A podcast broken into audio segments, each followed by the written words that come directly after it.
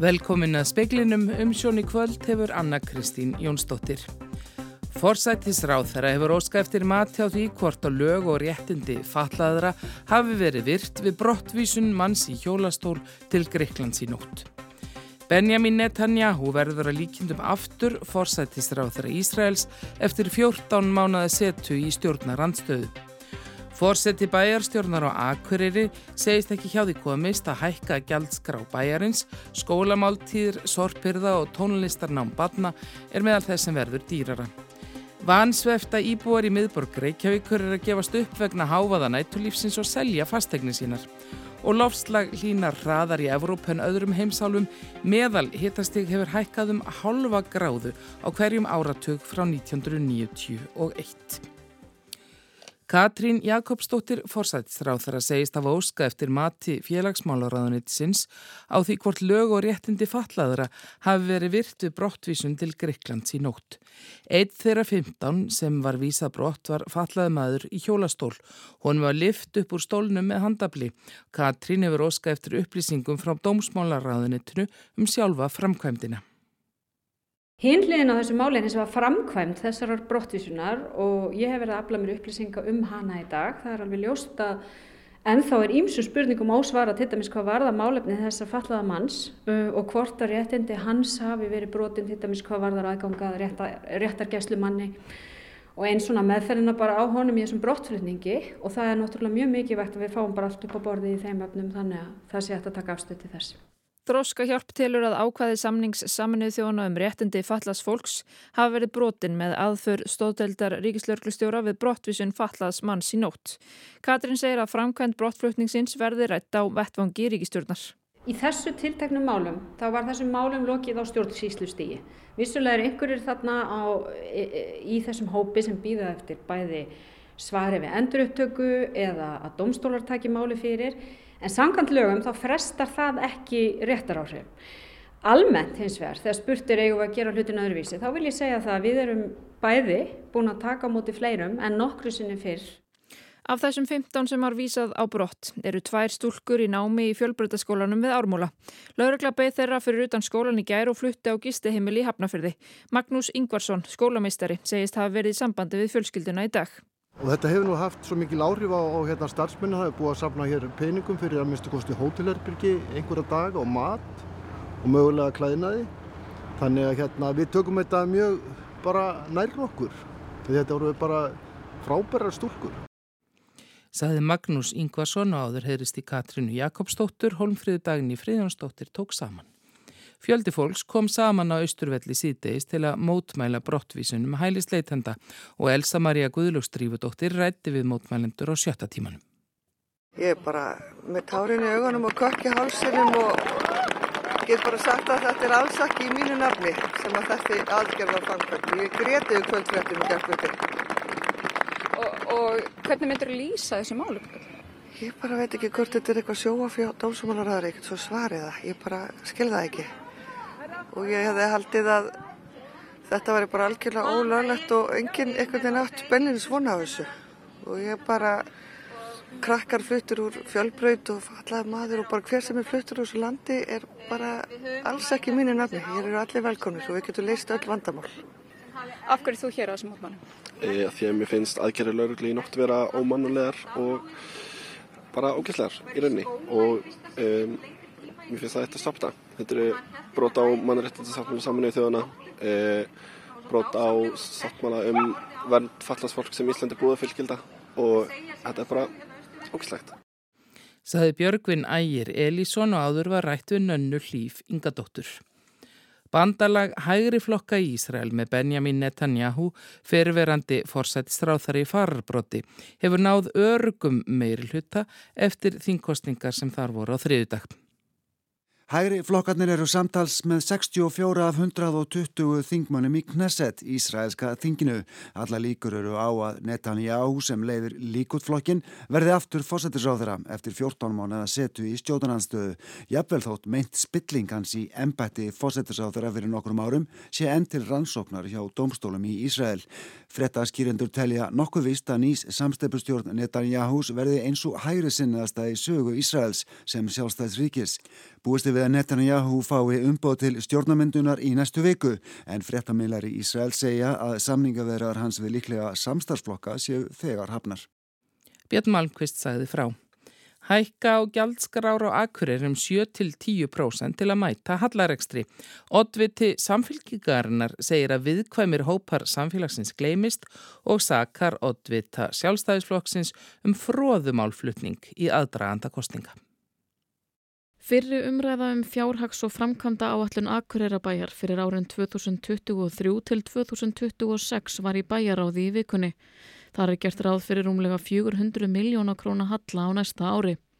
Það má gera ráð fyrir að hlutir eins og skólamáltíður, sorphyrða og tónlistarnám barna geti hækkað um 7-10%, að óglendum fastegna gjöldum sem talið er að geti hækkað um 20%.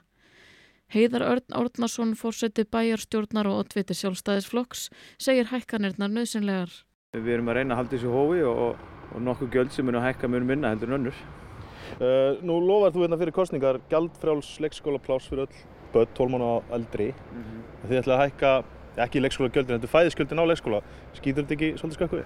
Nei, alls ekki í meilöndu samstarfið. Við erum að byrja með að hækka ekki núna og næsta ári við ætlum að taka hækka hérna, tekið við með fyrir áslöta gjöldin á leikskólunum. Þannig að ef fólk heldur þetta að taki bara 1-2 mánuði þá er það miskilningur. Þetta með taka kjörteinbilið og, og skulum bara býða og sjá. Þannig að þetta enda með að þetta verða allt satt á rétt hérna? Já, ekki alveg kannski 100%. Ég er náttúrulega meira samstarfi en, en ég mun uh, berjast við að gera mitt besta í sjálfsögðu þessu málum. Hilda Jana Gísladóttir bæjarfulltrúi samfélkingarinnar segir lofvorðin hafa virst innan tóm frá byrjun. Það er eiginlega alveg galið og segir okkur svo mikið um kostningar á Íslandi að geta farið í rauninni með svona fróðu, ætla ég að lefa mér að segja, í kostningabartu og gera svo eiginlega bara nákvæmlega ekkert. Saði Hilda Jana Gísladóttir, Óðinn Svan Óðinsson rætti við hanna en Ólufrún Erlendsdóttir tók saman. Siðanemt Blaðamannafélags Íslands telur að þeir fyrirvarar sem reynir Traustason, riðstjóri mannlíf, setur við frétti sínar um aðtapnamannin Róbert Vestmann, nægi ekki. Reynir hafið því brotið gegn siðareglum Blaðamannafélagsins meðum á þriðjatug frétta um Róbert sem byrtust á vefmiðlunum. Brotin séu alvarleg og það er þingsti úrskurðu sem hægt er að kveða upp. Kærurnar eru hluti af langri deilu Reynis og Róberts þar sem Haldur Kristmansson fyrirverandi framkvæmdastjóri Alvogens og samstarfsmaður Róberts til margra ára kemur líka við sögum en Haldur hefur borið Róbert þungum sögum. Svefnvana íbúar miðborgarnar eru farinir að flýja háfaða nættulífsins, gefast upp og selja eignir sínar að sögn formans íbúa samtaka miðbæðinins. Fátt séum svör fór á borgaryfirvöldum þrátt fyrir ítrekkaðar tilraunir. Íbúasamtök miðborgar Reykjavíkur standa fyrir málþinginu sambilið við næturlífið í kvöld. Til málstaka nokkrir íbúar í miðbænum, fulltrúar lauruglunar helbriðs eftirleitsins veitingagerans og borgarinnar og sérfræðingur frá betri svefni. Sigrun Tryggvadóttir, formar íbúasamtakana, segir marga íbúa langþreytta á háfaða næturlífsins. Það er tölvust um, um að íbúða sé ófættir og það er tölvust um að íbúða líði bara mjög illa í, í sínu umhverfi og um, um helgar og, og það er náttúrulega aðgæld að hugsa til þess að, að fólk líði, fólki líði svona illa og geti bóstalega ekkert gert og fá engin spör. Frettastofa rætti við eigundu skemmtistæða vegna kvartana í síðasta mánuði. Þeir sögust allir að vilja gerðir en þeir reki samt sem áður skemmtistæði í miðborginni og séu með öll tilskilin leifi fyrir þeirri starfsemi fólk sér munaði þegar kom COVID, þá kom rólegt tímabil en nú er allt farið aftur að, að stað. Og þess vegna viljum við það, að, að koma aftur að málum hvernig við getum fundið lausna á þessu því að við getum ekki haft íbúa sem eru bóstala að selja sín hús og fara í önnu hverfi. En er þetta ekki bara eitthvað sem fylgir því að búa miðsvæðis? Er þetta ekki svona í öllum höfuborgum og stórborgum heims? Jú, það gerir það en, en, en það sem við viljum er það að þessi fari eftir lögum og reglum. Saði Sigrun Tryggvadóttir, Solveig Klara Ragnarsdóttir talaði við hana.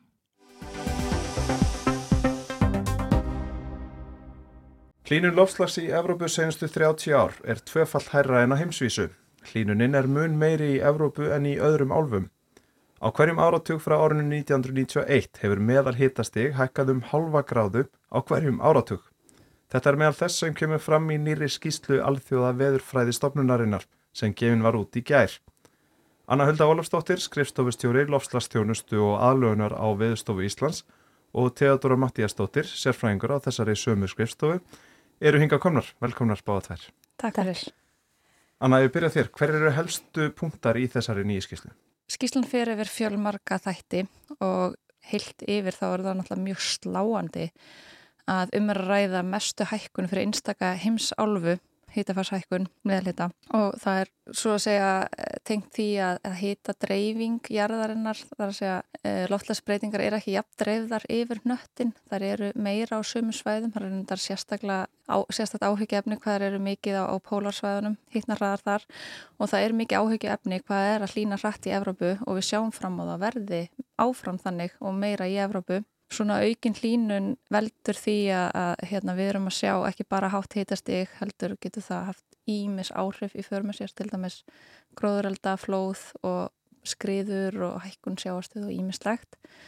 Eh, þetta hefur áhrif á sam samfélag, efnahag og vistkerfi og það er svona, svona eitt af því sem Íslandi dreifur fram. Hún horfir líka á aukna tíðinni aftaka veðurs og svona loftlastengta atbyrða og drefur henni saman tjón sem hefur komið vegna þeirra þannig að skiptir þessu upp í mismunandi, mismunandi vá sökum loftlastengtra áhættu bæði sko horfir á þetta út frá döðsföllum, afleggingum og líka fjárslögu tjóni þannig að það gefur okkur vissulega sko ákveðin smjörn þegar því að samfélagin eru alls ekki örug fyrir áhrifun loftaspreytinga og jáfnvel þó að við teljum okkur vera undirbúin þá erum við ekki komin á lang. En af hverju kemur Európa svona ítla út?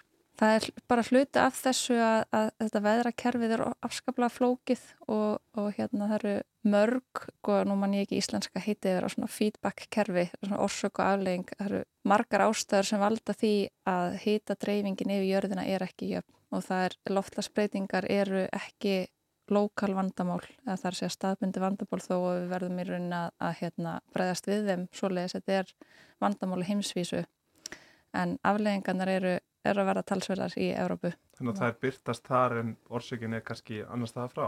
Já, það er alveg ljóst að við munum sjá afleggingarnar með srætt á mismunandi stöðum í heiminum. Við Íslandingar erum vissulega í ákveðinu fórhættindastöðu hvað þetta varðar en við verðum líka að vegum ekki ganga í þann pitta að vera vissum að hérna, ekkert hendi okkur vegna þess að þetta er svo miklu floknara. Það sem gerist annars þar í heiminum hefur áhrif á okkur. Þeodora, hvernig, hvernig blasir þessi skýrsla við þér? Þetta er náttúrulega eins og Annhöldi sagði, þetta er náttúrulega sláandi skýrsla en það kemur þó þarna fram líka að þetta er ekki bara harmafregnir. Evrópa verið standa framarlega hvað var þar aðgerðir í að draga úr losun. Það hefur verið dreyið úr losun um 31% í Evrópulöndum frá því 1990. Svo fær í rauninni Evrópa líka svona smá rós fyrir að standa sér vel þvert á landamæri, bæði í losunaraðgerum og aðlöðunaraðgerum. Auk þess sem að það dreyið sérstaklega fram að Evrópa sé leiðandi í þróun svona snemm viðvöruna kerfa. Þró svona kerfi sem að það sem að ættir að bræðast við og það er talið að um 75% íbúa Evrópu séu treyðir með þessum kerfi með að öryggi þeirra sé treykt í rauninu með þessum snemviðvöruna kerfum. Á móti kemur reyndar að mér varst áhugavert að sjá í skíslunni í einum punkti sem ég las að það eru svolítið ansið margar þjóðir sem telja sig ekki vera með nægilega, telja sig ekki nægilega vel undirbúnar hvað var þar flóð og flóðahættu. Og mér varst það svolítið áhugavert vegna þess að það er svo stór hluti af þessu tjóni, lofslastengta tjóni, tengist flóðum. Það kom inn á það, það er, að það hafa verið gerðið góðir hlutir í því að draga úr losun. Samt sem áður er meðalhittastíð að hækka um halva gráðu á hverjum, hverjum áratug. Hvað þarf til að koma? Já, nú ert að spurja aðlögun af fólkið. en, en það er alveg ljóst að, að sko, við sjáum fram á að vísindamenn spá því að þetta fari verstandi þrátt fyrir samdrátt í losun. Sko það sem þessi skísla gefur ákveð innleg inn í að því við rættum hérna aðeins fyrir viðtaliðum að nú stendur í náinni framtíð, bara í núna í byrju nógumber þá er COP rástefnan COP27, þar sem ég held að þessi skísla verði mjög gott innleg inn í vegna þess að hún, hún dregur fram e, þessar sviðsmyndir sem við sjáum fyrir okkur fyrir Evrópu og, og fyrir yfir þessi áhrif sem eru svo viðtæk skíslan fyrir yfir til dæmis áhrif á, á helsu Evrópubúa, varandi fluttninga og varandi vistkerfi þannig að það, þetta, er svo, þetta er svo margt. Snertir þessi skýsla eitthvað á stöðu Íslands? Það tekur ekki sérstaklega fram áhrif á Íslandi en loftlagsbreytingar yfir höfuð og ef maður dregur saman sko líkilatriðin úr skýslinu og heimfærið yfir á Ísland þá myndi ég segja að það væru þættir eins og áskorunni þvert á landumari sem við þurfum að skoða sérstaklega að því eins og myndist áðan við erum í ákveðinu fórættinda stöðu en ef að uppskýrubrestur eða eitthvað ræðilegar náttúruhamfærir gerast annar staðar í Európu þá hefur það áhrif á okkur og við þurfum að vera í stakk búin til þess að geta haldið áfram þrátt fyrir það að þurfa að taka aðfengangstur annar staðar frá. Það er einnig það náttúrulega að það verður eh, tíðar aftaka við erum hérna líka. Við þurfum að innviðinir okkar þurfa að vera í stakk búnir og við þurfum að vera tilbúin til þess að takast á við slíkt. Við getum einni hort að hilsuna hérna á Íslandi, Skísland reyður fram að aukinn döðsföld vegna hýtabilgi, kannski ekki eitthvað sem við sjáum fyrir okkur að sé stórst áhættu atrið hérna fyrir Íslandinga eins og er, en þessi veður öfgar hafa vissulega áhrif, við getum sjá, sjáum fyrir okkur fleiri á tíðinni smitsjúkdóma til dæmis aukist, ónæmisvaldar aukast með dreifingu frjókofna til ykkurnu mæli og svo er náttúrulega vistkerfin hérna á Íslandi líka viðkvæm og kannski ég fikk komin á sjúkdómana en það eru líka sjúkdóma sem berast með skortirum sem að verði meira mæli sem að skíslan kemur aðeins inn á. Kannski annað sem ég get beintreið út í skíslunni uh, og heimfært yfir á Íslandinga er að það fluttingskerfi bæði í landi og leiði er uppbyggt í Evrópa mikið til út frá sögulegum grundvelli. Og, og forsöndan er því ekki þólum fyrir þeim augum sem uh, við sjáum fram á og við erum að upplifa. Og fyrir yfir bara núna á síðasta ári hvað ofboslega mikið af veður augum uh, hafa átt sér stað þannig að við þurfum að vera tilbúin fyrir alls konar. Lofslagsraðstöfnan, hún er mm -hmm. framöndan, hefst bara núna um helgina. Þetta er væntalega stórt innlegin í, inn í þá umræðu alla. Kom þessi skísla að eitthvað leita óvart? Kanski ekki fyrir okkur sem erum að lifa og hrærast í þessu og búin að vera að skoða þetta mikið. Það koma óvart hvað Evrópa sker sér mikið úr en þessir atbyrðir sem við verðum að fylgjast vel með er eitthvað sem er ekki nýtt fyrir okkur en kannski fyrir öðrum. Og það er mjög mikilvægt að draga þetta svona fram til þess að við getum haldið áfram og öll vinnan sem á sér stað á kopp það kannski það mikilvægast sem kemur þann út er þess ákvarðinu sem verður teknar á, á, á svona politikal hérna Uh, level. Í rauninni það er það sem ég tel að segja mikilvægast sem komi út úr koppráðstöfnun og það þarf að vera byggt á vísindalegum grunni og við þurfum að hafa svona gögn eins og þessa skýslu til þess að byggja á til þess að við getum tekið réttar ákvarðanir. Mér finnst kannski bara svolítið áhugavert eins og kom fram í skýslunni að, að hún sýnir svolítið glögt að samfélag er ekki örug fyrir áhrifin losasbreytinga, jafnvel þó að þau séu vel undibúin. Við höfum einhvern veginn alltaf meira einhvern veginn horta á alvarlegar afleðingar annar staðar, mm -hmm. í öðrum álufum sem verða fyrir meiri áhrifum en núna eru áhrifin að sína sig hjá okkur líka mm -hmm. í Európu. Anna Hölda Álustafir, skrifstofastjóri í Lofstafstjónustu og aðlöfunar á viðstofu Íslands og Teatóra Mattias Dóttir, sérfræðingur á þessari sumu skrifstofum. Kæra þakki fyrir komuna í speilin. Takk fyrir. Takk, Hundruð kjærasamninga er á íslenskum vinnumarkaði og í augnablikkinu eru 117 þeirra útrunnir þó að þeir gildi þar til samiðverður að nýju. Á næsta halva árinu renna 167 samningar út og hlutfallsamninga þar sem búið er að ganga frá nýjum samningi áður en sá fyrri rennir út er afar látt og það gerist í 0,6% tilfella. Þetta er meðal þess sem sjáum á í nýjum gagnagrunni ríkisáttasamjara þar sem líka er að finna gildandi samninga. Tilgangurinn að veita launamönnum og launagreðendum greiðan aðgangað samningunum. Í byrjunvikunar rann út fjöldi samninga á almennamarkaðnum og kjara viðræður eru hafnar. Enga síður tók Aðalstill Leifsson ríkisáttasemjari undir að það væri freka rólegt í húsakinnum ríkisáttasemjara í dag. Við erum með tíu sáttamáli í gangi og það er það minnsta sem hefur verið hérna hjá ennbættinu frá því að síðasta stóra kjaralóta gekk yfir. Þannig að við erum með fundi nokkur sinnum í viku í þessum málum sem við erum að fást við en það er ekki fullt í öllu fundarherbyggjum eins og stundum er. Nú er það nú samt þannig að það er mjög stór hluti í samninga sem gerðir eru hér, eru gerðir með afkomu eða afskiptum sátsemina. Já, nú erum við að byrta í dag gagnagrunum kjærasamninga. Það sem koma fram ímiskonar tölfræðilegar upplýsingar um kjærasamningaferlið og kjærasamningarna sem gerðir eru á Íslandi og við sjáum þar að af þeim kjærasamningum sem nú eru í gildi þá laug tæplega 40% eftir að þeim hafi verið vísa til ríkisóttasemjara sem að hlýtur að vera til dæla hátt hlut alla, alla mælikvara vegna þess að málum er að öllu jöfnu ekki vísa til ríkisóttasemjara nema viðraðnar séu komnar í ákveðna blindgötu. Það er örsjaldan sem samið er áður en fyrirsamningur rennur sitt skeið. Hlutvatsamlingar sem eru undirritaður áður en að fyrirsamningurinn rennur út er 0,6%. Það er innan við 1%. Þannig að yfir í 99% tilvika þá er fyrirsamningurinn runnin út.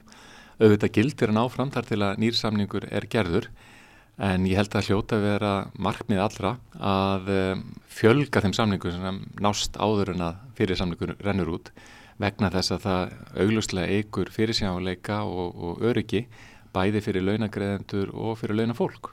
En í þessum gagnagrunum sem nefnir eru þar líka yfirleitt yfir samningan sjálf? Já, við reyðumst í þetta verkefni að gera þennan gagnagrun til þess að gefa fólki betri insýn inn í kjærasamningana og kjærasamningaferlið.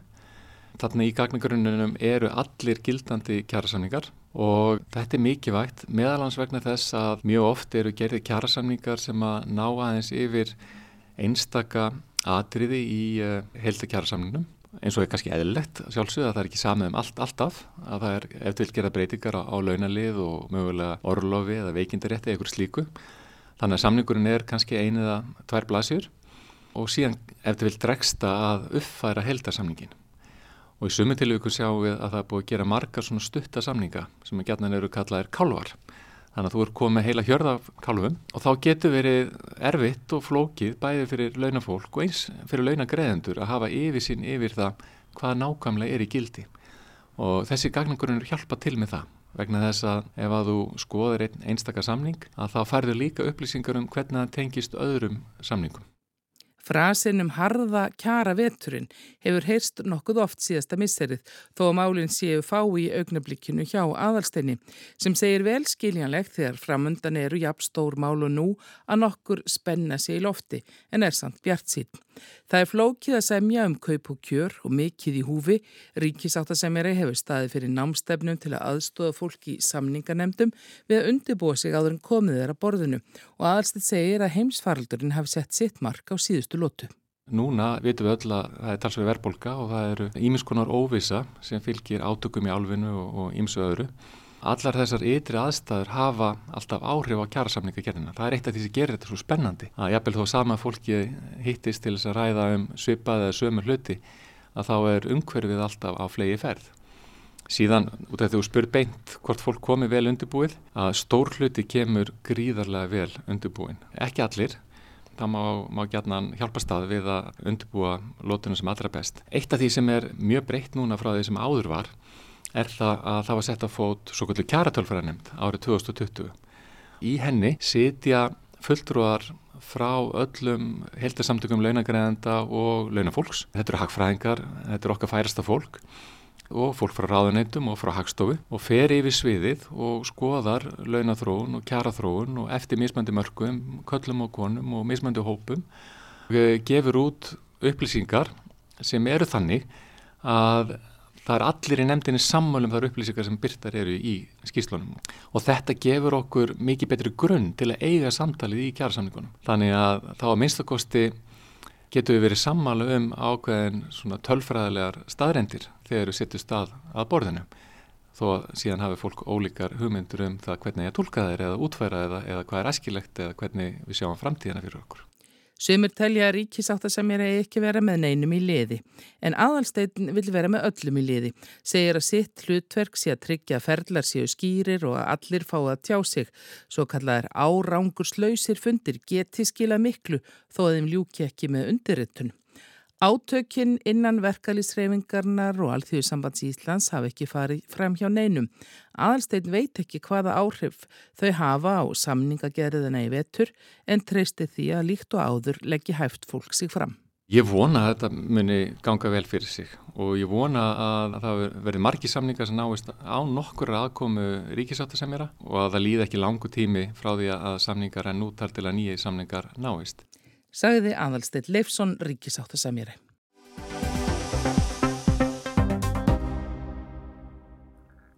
Baltasar Kormakur leikstjóri vakti heila jólanótt fyrir tveimur árum og las Snertingu bók Ólafs Jóhans Ólafssonar til enda. Snerting verður að kvikmynd næsta haust í leikstjór Baltasars. Haukur Holm tók þá félaga tali í myndveri í Guðunissi. Hvað var það sem dróði að þessari sögu? Ég las hugst að þú hefði kólfallið fyrir en lesið henni einni lótun ánast. Já, ég, þegar ég byrjaði að lesa bókina, gæti ekki lagt hana frá mér. Það er svona innri spenni í henni, engin læti, en innri spenna sem að mér fannst frábær. Og mér hefur lengi langað að segja ástasögu og það getur erfitt að finna ástasögu sem hafa svona alvöru bótt og, og alvöru svona, já, hvað sé, sögu fléttur sem að kemur óvart og, og þetta hafði og mér kom mér mjög óvart hvað, hvað höfundurinn, hann kom mér óvart hvað, hvað hann fór langt með þetta. Þannig að, en myndur þú segja þetta væri, væri romantísk mynd, fyrst þetta er ástasaga? Já, þetta er svona dramatísk ástasaga, en svo líka ákveðin húmor í henni sem, sem er mjög skemmtilegur og er að leika með með, en, en, en þetta er svona svo Casablanca eða eitthvað, þetta er svona hefur svona, þetta er svona stór ástasaga og sem næri yfir, yfir 50 ára uh, samband. Þú var snöggur að ná þér í réttinaðinni eftir að þú lest hana? Já, það, ég var bara algjörlega, ég bara um leið og ég búin að lesa hana, dótti mín gaf mér bókina ég held að bara eh, jólagjöfið eitthvað líka og svo bara ringdi ég hann tveim dögum setna eftir ég var búin að lesa hana og það bara, heyrðu ég ætla að gera þetta. Það ringdi í mig uh, um hádegi manni og sagði ég haldi vöku fyrir sér þannig að ég lesi allar nótina og uh, síðan hittust við í kaffi og, og bara tókust í hendur og síðan og fórum svo að vinna saman að handréttinu og þetta gekk, uh, við erum báðir svona njótuð þess að vera svolítið hérna, galnir þegar kemur að vinna það er ekki gott að vinna og, og, og það, það gekk mjög vel og hratt. Hún gerist mjög víða þannig að þetta er, þetta er vantilega doldið flóki verkefni. Já, hún gerist í, í Breitlandi á, á, á 69 og í dag og svo gerist hún á Ísland í dag og í Tókíó í, í dag þannig að þetta eru þrjú lönd uh, reynda þrjú uh, tímabill og já, tvær heimsálfur og þú mötti alveg kannast við þessa sögu þegar, þegar hún byrst á tjaldinu. Já, þegar ég fótt í London um daginn að fylgjast með tökum þá var ég mjög spennt fyrir að sjá aðaleikarana Egil Ólafsson í, í hlutverki Kristófers og svo unga fólkið Kristófer Ungan og, og japansku stelpuna og ég get ekki verið ánari með, með hvernig það kemur allt út. Aðaleikarn eða einn aðaleikarn Egil Ólafsson það var satt frá því um daginn að hann treysti sér ekki til að syngja lengur með hljónstinni sinni er hlutverk, hefur það áhrif á, á hlutverkans í þessari mynd? Nei, sko, ég vissi að þessu. Uh, ég hafði unni með Agli fyrir svolítið síðan og vissi að hann var, hann var að díla við þessa, þessa Parkinson-veiki. Uh, og í raun og veru er það ekkert ólíkt því sem að karakterinn í bókin er að fást við. Hann er byrjað að gleyma og Parkinson ofta er að fara út í svona eitthvað Alzheimer eða dimensíu og, og uh, eiginlega held ég sem ekki komið þangað en, en að við ákveðum svo að nota þessi eiginleika og kannski í þessari umræði sem er í dag að vera ekki að útlæka fólk þó að ég er einhver föllun eða, eða veikinda stríða heldur kannski að sína eh, fjölbreytileikan og það var það val sem við fórum og meðvitað um þá og kannski eh, aðlögum að einhver leiti hlutverkið að agli og eigila hlutverkinu. Hann á með svolítið er með reyfingu orðið hann eil og, og það er bara hluti af frásögnum. Það er með þessi í bókinni sena sem fettir læknis og er að ræða hann þurfa að fara í segulómun og skönnun þannig að Þannig að þetta lág mjög vel við og mér finnst svolítið gaman að sjá og ég á, við þá fallega hann hátt að, að maður svo eigil sem er svona svolítið flottur og hérna og mikil svona gæi genn tíðina en það komir svona onnur orka yfir hann sem náttúrulega árin og, og, og svo þessi veikind hafa fært honum sem eru mjög sérmyrandi líka. Hvernig fáum við að sjá síðan þessa mynd? Ja, þessi mynd verður vonandi komin í síningu svona sent á næsta ári, eh, 23 haustið myndi ég áætla Það, það er planið og ég er náttúrulega með frábæra uh, samstagsæðala sem er Focus Features í bandaríkanum sem er svona, já, sé að flottasta fyrirtæki þessari tegundmynda og það er svona samkomiðlega okkur að meitla ég skilin að mér næsta haust til síningar. Veðurhorfur eru þær, það verður norðan stinningsskóla morgun en norðaustan strekkingur á vestfjörðum. Dáli til jél norðan og norðaustan til en annars skýja með köplum og þurftakalla, vaksandi austanátt siðstannað kvöld og veður fer hægt kólnandi. Fleiri er ekki í speklinum í kvöld, tæknimaður var Mark Eldredd verið sæl.